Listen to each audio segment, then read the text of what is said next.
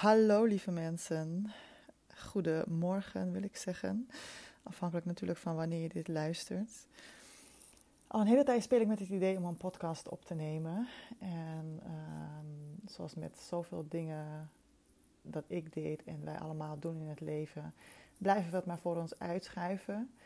Vanwege allerlei redenen, vaak vooral smoesjes die we bedenken, ehm, om het maar niet te doen. Maar dit vond ik wel een heel mooi moment om er toch aan te gaan beginnen. Want um, ik ga het allemaal anders doen. Ik ga de controle loslaten en uh, zien wat er op mij afkomt in het leven. De reden dat ik dit nu uh, opneem, ja jeetje, waar moet ik in godsnaam beginnen? Degenen die mij kennen, die, uh, die kennen het verhaal van mij van de afgelopen maanden of ja, anderhalf jaar eigenlijk. Maar uh, degenen die mij niet kennen, die, die hebben natuurlijk geen idee waar ik het over heb. Dus uh, ik zal een beetje beginnen bij, nou niet helemaal het begin, want het wordt wel een heel lang verhaal. Maar ik ga beginnen bij het uh, moment van vorig jaar zomer, 2018. Toen ik echt voor mezelf aan de slag ben gegaan als ondernemer, als coach. En ehm, dat was ja, een heel leuk proces. Vooral de aanloop ernaartoe. Veel geleerd, veel gedaan, cursussen gevolgd. Nou ja, zoals veel coaches en ondernemers dat doen. Goede voorbereiding. Bij mij duurde dat extra lang, omdat ik ja, een uh, persoon ben die altijd uh, eigenlijk alles perfect voorbereid wil hebben voordat ik überhaupt start.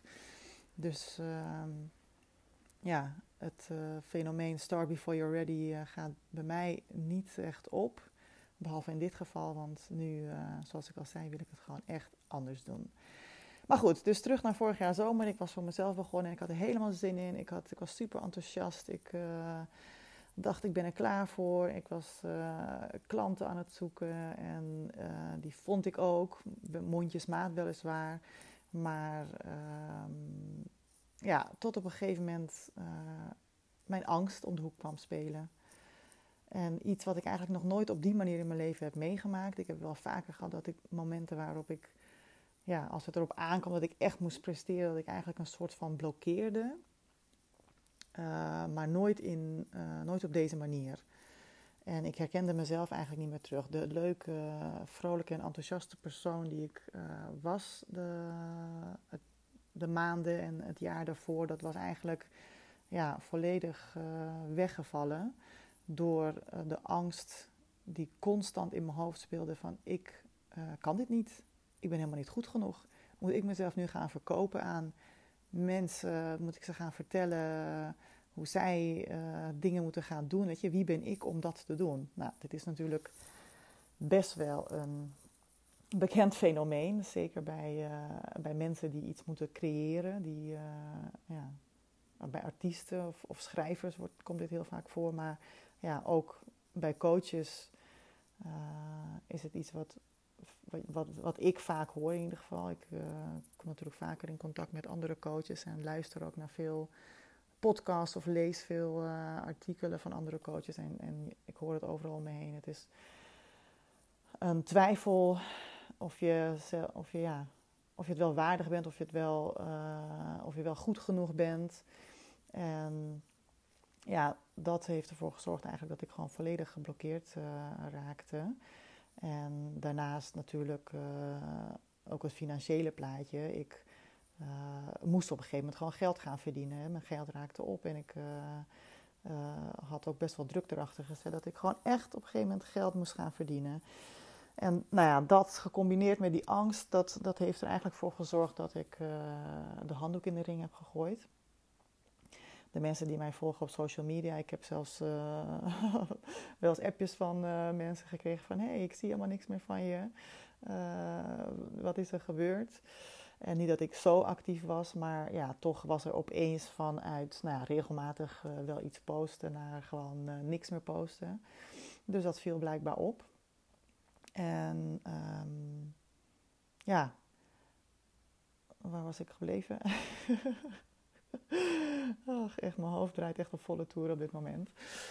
Uh, nou ja, toen eigenlijk door die angst was het gewoon van, nou, dit is gewoon echt veel te eng, ik kan het niet en, en dit wordt niks. Uh, heb ik dus besloten van, nou weet je, ik moet eigenlijk gewoon toch op zoek naar een baan, want uh, ik moet gewoon geld verdienen. En de makkelijkste manier, snelste manier is dan toch door een baan te zoeken.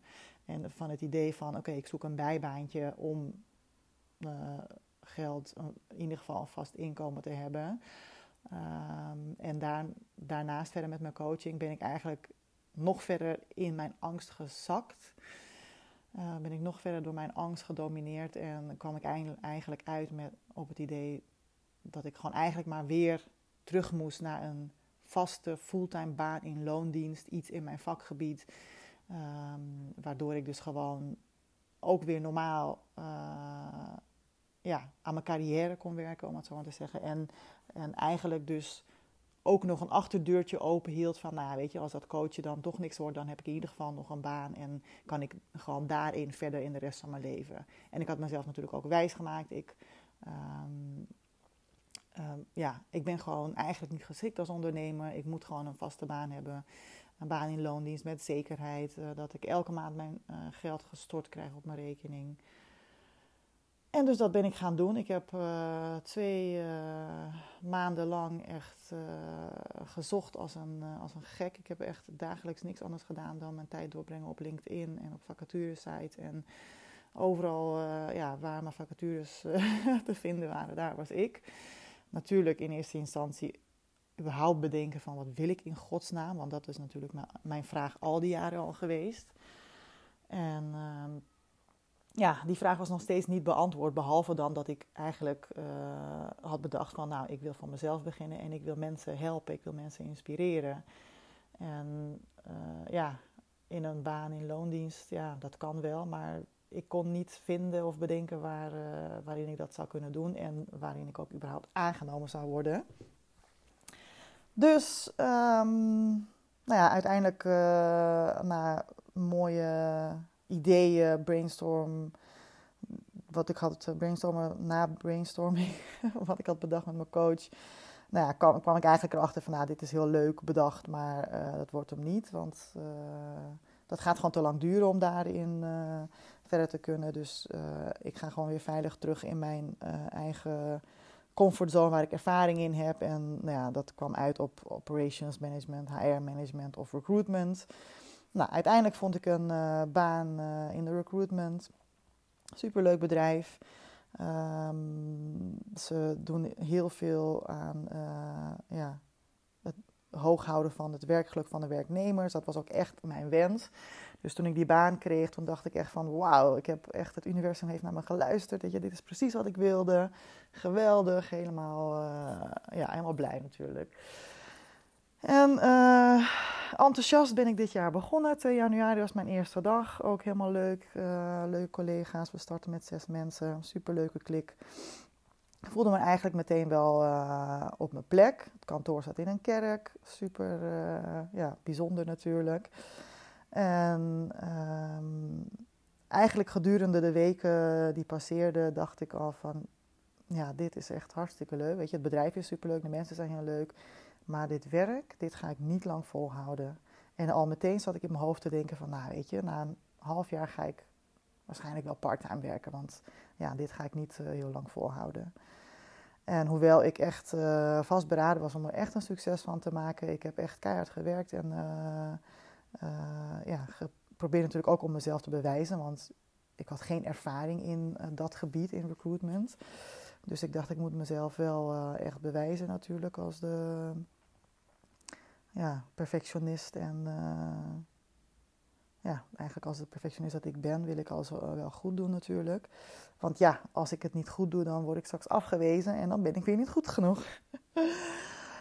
en uh, ja, eigenlijk wat ik dus uh, soort van min of meer uh, vreesde, was ook dus uitgekomen aan het einde van vorige week eigenlijk kreeg ik te horen dat mijn proeftijd niet werd verlengd. Of dat ik niet door mijn proeftijd heen was en ja, dat ik eigenlijk gewoon weer zonder baan zat. En terwijl ik dat hoorde, drong het eigenlijk, het drong wel tot me door, maar ik zat, was ook eigenlijk in een soort van shock. En ik voelde mijn lichaam gewoon in één keer ja, een heel raar gevoel, wat ik eigenlijk volgens mij nog nooit echt heb meegemaakt. Ik ben überhaupt nog nooit ergens ontslagen. Ik ben nog nooit ergens niet door mijn proeftijd heen gegaan. Dus dit was echt een hele ja, rare ervaring. En mijn lichaam was echt in één keer, ik voel het nu gewoon weer, volledig uh, in, in een soort van shockstand. Gewoon spanning door mijn hele lichaam in één keer van, oh fuck, alsof echt de grond onder je vandaan wordt getrokken. Ik kreeg dacht van, shit, wat nu? Wat ga ik nu doen? Uh, hoe ga ik nu aan een inkomen komen? Oh mijn god, moet ik weer uh, gaan solliciteren? Ja, alleen het idee nu al, ik krijg er nu alweer een knoop van in mijn maag doordat ik er weer over praat. En um, ik kwam thuis en ja, ik, ik dacht echt van ik loop het kantoor uit. Ik stap in de auto en ik barst keihard in huilen uit. Maar dat is niet gebeurd. Ik was eigenlijk gewoon, nou ja, misschien wel een soort van verlamd. Ik weet niet wat voor gevoel het was, maar ik, ik was ja, eigenlijk gewoon boos om, om de reden die ze gaven, ook waarom het niet verlengd werd, wat ik gewoon onterecht vond. Maar goed, dat doet er allemaal verder niet toe. Dat is meer, uh, dat is hun reden en dat is ook prima. Maar um, ja, ik ging het natuurlijk aan mensen vertellen toen ik thuis kwam. En een vriendin van mij die in Barcelona woont, die belde eigenlijk direct. En uh, ze zegt, nou weet je, waarom kom je gewoon niet hier naartoe? Je kan gewoon bij mij verblijven, weet je. Doe gewoon een paar maanden even eruit, even iets anders, andere energie, andere omgeving. Dan kan je daar rustig een plan bedenken en kijken wat het, wat het je gaat brengen.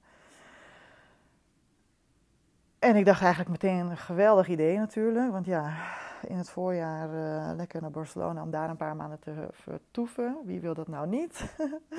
ik verhuur mijn huis en ik vertrek. Maar goed, daarnaast, daarna uh, komt er natuurlijk zo'n stemmetje in je hoofd van... ja, is het nou wel een goed idee? Waarom zou je dat nou doen? Weet je, het is misschien leuk voor een paar maanden, maar wat ga je daarna dan doen? Weet je, dan na die paar maanden komt toch weer die harde realiteit terug. Moet je misschien toch weer op zoek naar een baan. Uh, dus je schrijft het alleen maar voor je uit. Allemaal dat soort gedachten kwamen in me op. Ik heb er een nachtje over geslapen. Wat niet heel goed ging overigens, maar ik heb het geprobeerd. en uh, nog, nog meer over nagedacht en een beetje uh, de voor- en nadelen afgewogen. En de dag daarna heb ik eigenlijk gewoon besloten, weet je wat, fuck it. Ik ga het gewoon doen.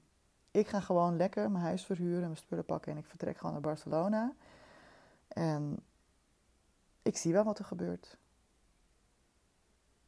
Ik ga gewoon en ik laat de controle los. Ik laat het gewoon los, want ik heb al die jaren dat ik um, ja, heel krampachtig de controle heb proberen vast te houden van dingen. Dat ik dingen heb geprobeerd in een bepaalde banen te sturen. Door die controle niet eens een keertje los te laten en gewoon te zeggen: Oké, ik zie wel wat er gebeurt. Um, ja, dat heeft me eigenlijk niet, uh, niet heel ver gebracht. In ieder geval niet in mijn werkend leven. En, ik heb ja, laatst ook met een vriendin had ik het erover dat weet je, je hebt in het leven heb je vaak weerstand uh, tegen dingen waardoor iets niet gaat zoals je wil. Maar en, en je hebt uh, de, de andere optie is dat het stroef gaat. Dus je doet wel je best, maar het werkt niet echt. Je? je komt niet echt tot het resultaat wat je wil boeken, maar je doet wel je best. En dat is bij mij het geval geweest. Jarenlang in mijn werk. Ik, ik deed keihard mijn best, maar ik kwam gewoon nooit echt uh, op het punt waar ik wilde zijn. Ik, kreeg, ik had nooit voldoening in mijn werk. Uh, ik leefde echt van weekend naar weekend. Ik, ik was gewoon vaak ook uitgeput na een week. Ja, het was gewoon echt, dat ging gewoon stroef. En, en ja, dat, uh, dat is ook een les wat, wat, uh, wat ik heb geleerd als, als dingen echt stroef gaan. Weet je, als je gewoon dingen, want altijd vroeg ik me af, weet je, wat is dan weerstand en wat is uh, wanneer het stroef gaat? Hoe, heb je daar, hoe hou je daar het verschil tussen? Want als het stroef gaat, kun je het beter opgeven. Kun je beter iets anders gaan doen. Maar ja, als het weerstand is, dan moet je dus juist wel doorgaan en wel uit je comfortzone stappen. Maar ik wist nooit wat is nou het verschil tussen dat het stroef gaat en, het, en dat, het, dat ik weerstand bied zelf. Maar ja, daar ben ik nu dus achter. ik ben erachter dat uh, al die jaren dat ik aan het werk was, het ging gewoon stroef. Want ik deed wel mijn best. Ik was er wel. I showed up, hoe je dat zegt. Hoe, ze dat soms wel zeggen. Weet je, van je moet gewoon uh, aanwezig zijn. Je moet op dat podium staan en je moet uh, knallen.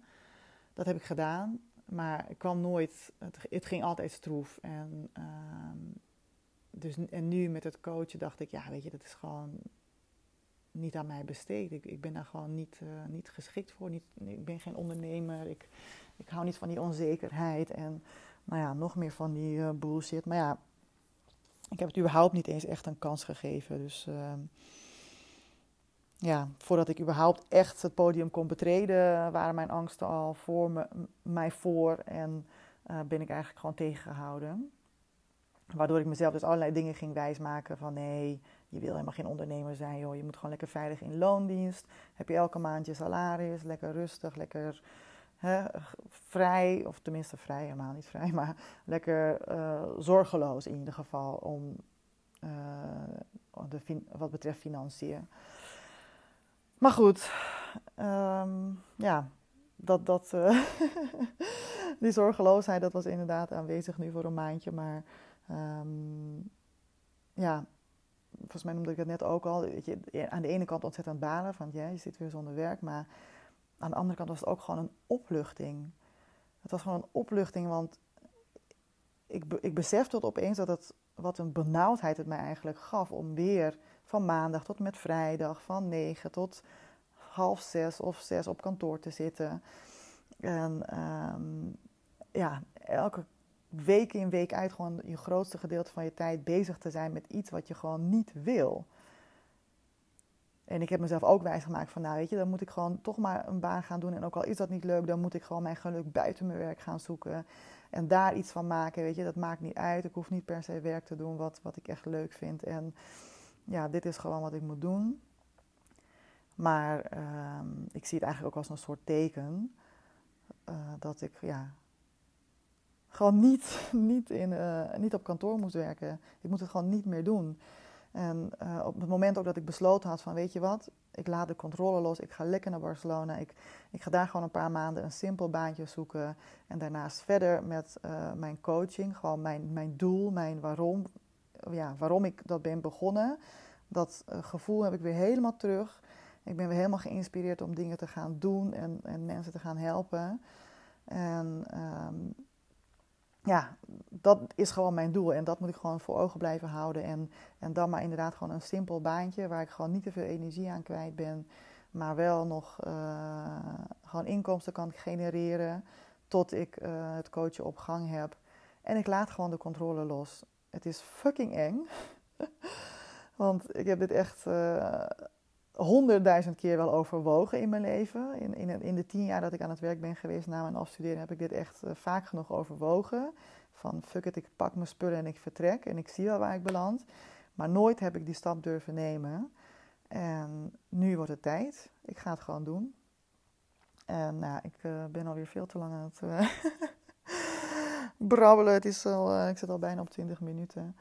Maar goed, ik wilde dit eventjes delen. Ik ga dus mijn huis verhuren. Ik ga uh, in ieder geval voor zes maanden naar Barcelona. En wie weet wat er op mijn pad komt en waar ik daarna beland. Of, of dat ik misschien langer blijf. En misschien ben ik zelfs na drie maanden alweer jankend terug.